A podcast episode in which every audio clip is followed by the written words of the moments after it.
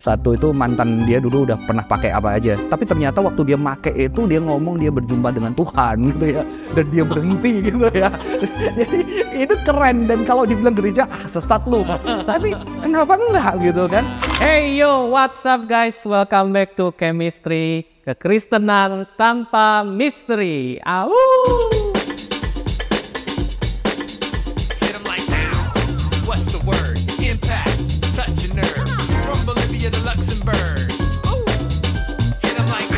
Oke guys, hari ini gue lagi ada di 101 Juice Fluid. Perkenalkan nama gue Martin Wijaya. Hari ini kita kedatangan tamu yang spesial banget dan bakal ngobrolin hal yang seru-seru banget.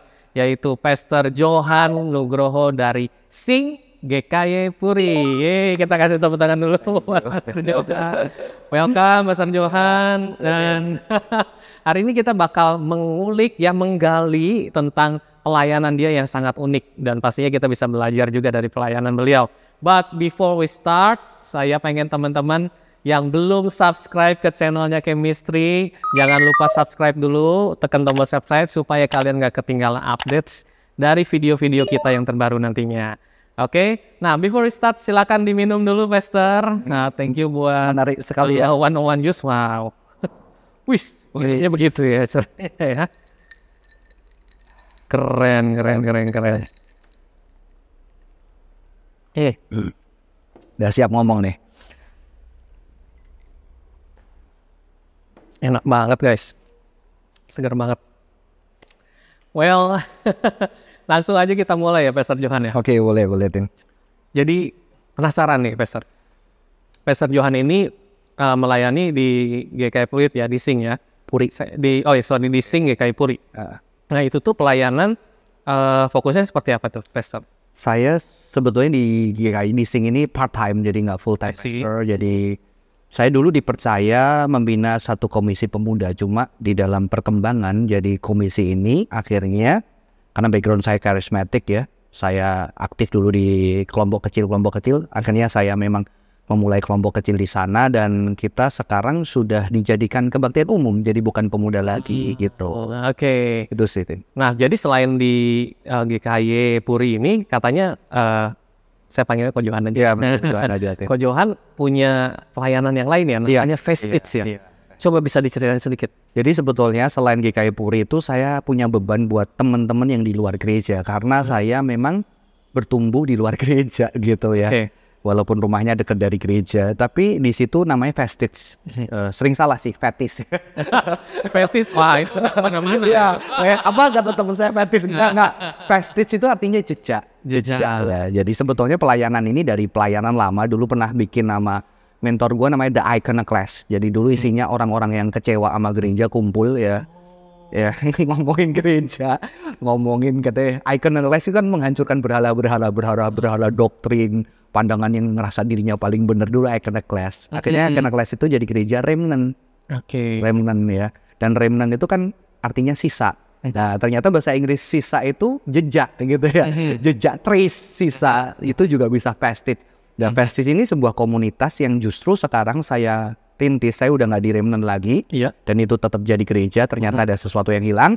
Vestige itu satu komunitas eh, ini eh, tempat eh, siapa pun boleh join, nggak harus Kristen, nggak harus teis, jadi mau agnostik, teis, Kristen, nggak Kristen, Kristen banget juga boleh.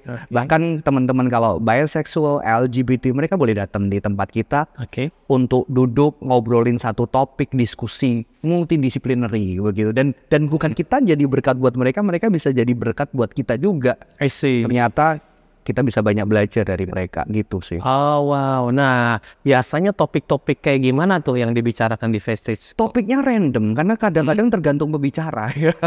karena kita nggak ada persembahan buat pembicara gitu kan. Jadi ini bukan ibadah. Bukan ibadah. Ya. Jadi dulu Oke. pernah ada doa, sekarang doa diadakan ya. nggak ada doa, nggak ada nyanyi, nggak ada baca firman, Sama sekali tidak. nggak ada, ya nggak ada liturgi ya. Dan cuma duduk ngomongin satu topik, habis itu bebas setiap orang diskusi dari perspektifnya. ya. Oke. Dan topiknya itu random banget lah ya. Kadang-kadang saya lagi baca apa, ayo kita ngomongin ini. Mhm. Terakhir saya belajar friendship, ya kan. Terus salah satu ketuanya sekarang eh, lagi sekolah sosial politik di UI, namanya Adeline itu dia eh, dia perempuan yang belajar politik. Nah, dia bahas feminisme ya. Oh. Saya pernah bahas tentang virginity, kenapa kok virgin dibebankan kepada wanita, sejarahnya gimana gitu kan.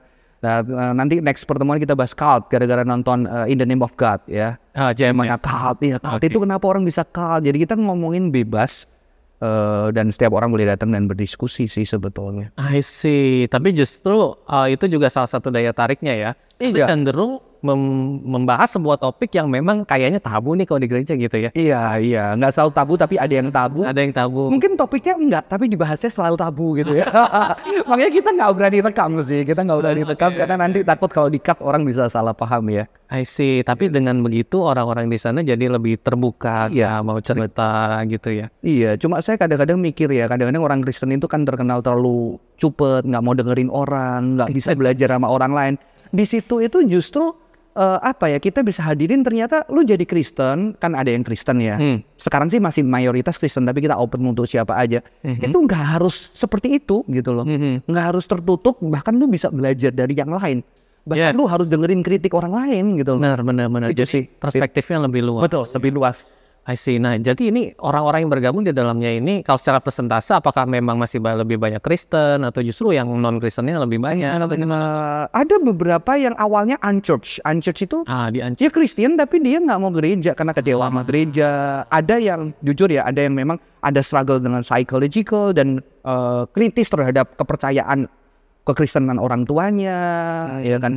Jadi memang beragam banget. eh, ada yang satu itu mantan dia dulu udah pernah pakai apa aja.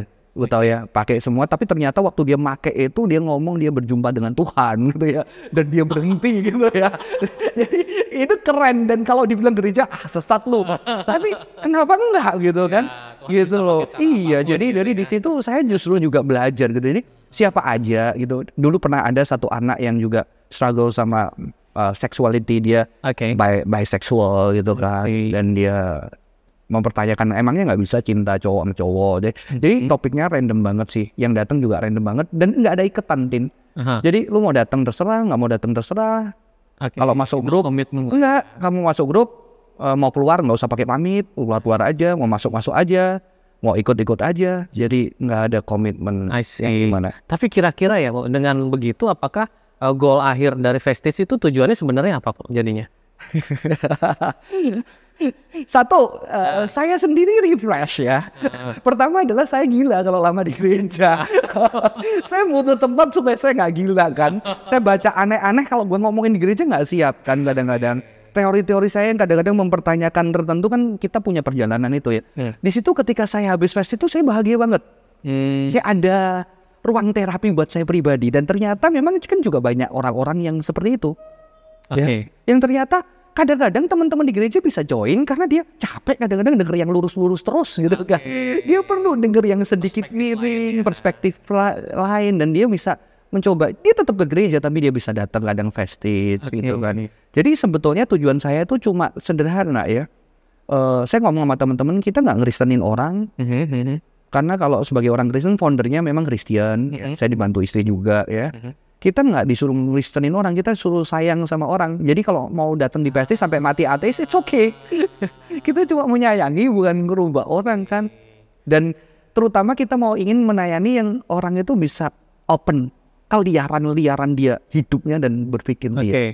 Selama itu juga kita harus hati-hati ya kalau membahayakan orang lain kita ingetin lah. Oke. Jadi ini jadi sebuah wadah komunitas yang people bisa benar-benar come as you are gitu ya dan eh, tanpa embel-embel apa pun lu bisa cerita apa pun, eh, pergumulan apa pun tanpa khawatir eh, apa pun ya dijudge dan segala macam eh, bisa terbuka dan eh, di sini nggak ada ekspektasi pokoknya lu nanti harus gimana gitu ya. Eh, eh, jadi pokoknya di sini justru kamu bisa menemukan diterima gitu ya dan eh, disupport juga satu sama Iya. lain gitu ya. Tapi memang eh, ini ya, Tin bukan ke arah psycho apa ya, kedekatan seperti itu, tapi memang karena liar berpikirnya, rasa punya temen. Tapi kita nggak ada sesi, ayo sharing masalah kita masing-masing. No, nggak ada, nggak ada. Oke, oke, oke. Karena kita kan satu topik tuh. Karena kadang-kadang kan ho- inhospitable juga ya, suruh sharing di depan orang bocor gimana. Jadi nanti sharingnya itu biasanya sama saya, Oh, lebih- siapa. Jadi kan udah ya. udah personal sendiri, jadi nggak ada acara khusus. Acara khusus kan karena nggak ada yang sharing. Ah. jadi kita cuma event, setelah itu Toto ya pulang nggak pada pulang ada yang rokokan di depan, Iya, sharing. Oke, oke, Berbelah sepeda yang duduk ngobrol. Jadi benar-benar eh, nggak secara khusus diterima. Ayo kita diterima ceritain masalahmu nggak. Bahkan Hmm. ketika kamu nggak mau cerita di masalahmu kan itu juga penerimaan ketika kamu duduk Hmm. kamu menceritakan keliaran pikiran kegilaan-kegilaan. Oke, karena kadang kegilaan-kegilaan seperti itu nggak bisa dibahas di dalam gereja gitu ya. Iya. Poinnya di situ ya kok ya. Iya. Nah, sekarang gimana kalau kegilaannya ngomongin, gue udah pengen mati. Hmm, Kalau ngomong di gereja, oh tubuhmu adalah bait Tuhan, kamu harus taat segala macam. Nggak boleh itu berdosa. ayat-ayatnya malah kan? justru dipakai untuk Iya. uh, ngejudge gitu. Karena yang ngomong nggak pernah pengen mati gitu kan. Iya. Dan dan dan bisa seorang kalau seorang anak bilang gila, gue pengen mati, gue nggak jadi mati gara-gara apa? Gara-gara gue tahu kalau gue meninggal orang tua gue sedih bisa nyalahkan diri. Gila kok, Hmm. gue nggak mati aja, gue pengen menjaga mati karena supaya orang nggak sengsara. Sengsaranya hidup gue. Itu kan pikiran yang liar yang kalau kita ngomongin di gereja bisa Yes, that's why kayaknya yang komunitas seperti ini memang nggak bisa dilakukan oleh gereja kemudian ya. ya. Kalaupun dilakukan personal ya. Dia personal pelayanan personal. ya. Nah, this is amazing guys. Jadi memang ini saya pikir memang ya ada konsep saya pernah dengar uh, di sebelum-sebelumnya ada podcast dari Pak Jusa Kancana kalau nggak salah yang dia punya kayaknya namanya safe space movement gitu. Oke. Memang ada circle lain di luar gereja gitu loh. Hmm. Di mana nggak ada liturgisnya, mungkin itu bentuknya bisa komunitas sport, komunitas yang ada interestnya, yang di mana itu justru di situ kita bisa menerima orang lain, menjadi sahabat buat orang lain, Betul. ya kan, mensupport orang lain, menunjukkan kasih kepada orang lain. That's maybe something yang mirip dilakukan oleh Faith Teach ya. berarti ya. iya. Oh, it's amazing. Kira-kira sekarang ada sekitar berapa orang kalau di dalam? Nggak jelas. Yang jelas juga ya. Karena yang datang juga kadang-kadang random banget, Mhm. gitu kan. Kadang-kadang suka topinya datang. Tapi ada beberapa yang rutin. Pernah kita 28, pernah ketika kita online tahu-tahu bisa datang 60. Jadi Hmm. bener-bener karena itu nggak penting sih. Oke, jadi bukan it's Iya, iya, iya. Tuh Bukan kan. nambah. Cuma kita jadi sedih nih kan sejak onsite kemarin online banyak terus. Cuma sejak onsite kan akhirnya banyak yang online itu jadi nggak terfasilitasi. Jadi kita mikirin juga kayaknya perlu juga online karena ternyata kalau member di grup kita sih banyak banget 100 lebih ya. Cuma yang ikut itu kan karena banyak di di kota-kota lain. Jadi saya pengen sih kalau nanti pas pelayanan di Surabaya atau mana saya ngumpulin anak-anak pecis ngomong di cafe yang free gitu sih. Yes. How do you promote atau Instagram segera only story. Organik aja gitu? Iya, yang ngumpul satu dua dan kita kalau lima orang enjoy, 10 orang enjoy, 28 orang enjoy, nggak datang juga nggak apa-apa. Tapi ada member-member yang sudah mulai rutin, gitu kan. Wow, that's so interesting ya teman-teman ya. Dan eh, kita akan banyak ngobrol, menggali lebih banyak dengan eh, Ko Johan tentunya ya, karena pelayanan beliau ini menarik banget dan sesuatu yang memang dilakukan di luar gereja ini kan di luar dari kebiasaan kita yang cenderung liturgis gitu ya kalau di gereja dan cenderung harus ada formatnya dulu, ada penyembahan eh, dulu, ada doanya dan sebagainya. Tapi ini justru eh, building friendship gitu ya satu Iya, sama lain ya. Uh, building friendship, saling bertukar pikiran, ide gitu kan. Iya. It's very interesting guys. So kita akan ngobrol lebih banyak lagi sama Ko Johan di sesi berikutnya. Jangan ke mana-mana dulu teman-teman. Dan uh, dari 101 Juice Fluid, this is Chemistry, podcast kekristenan tanpa misteri. Au!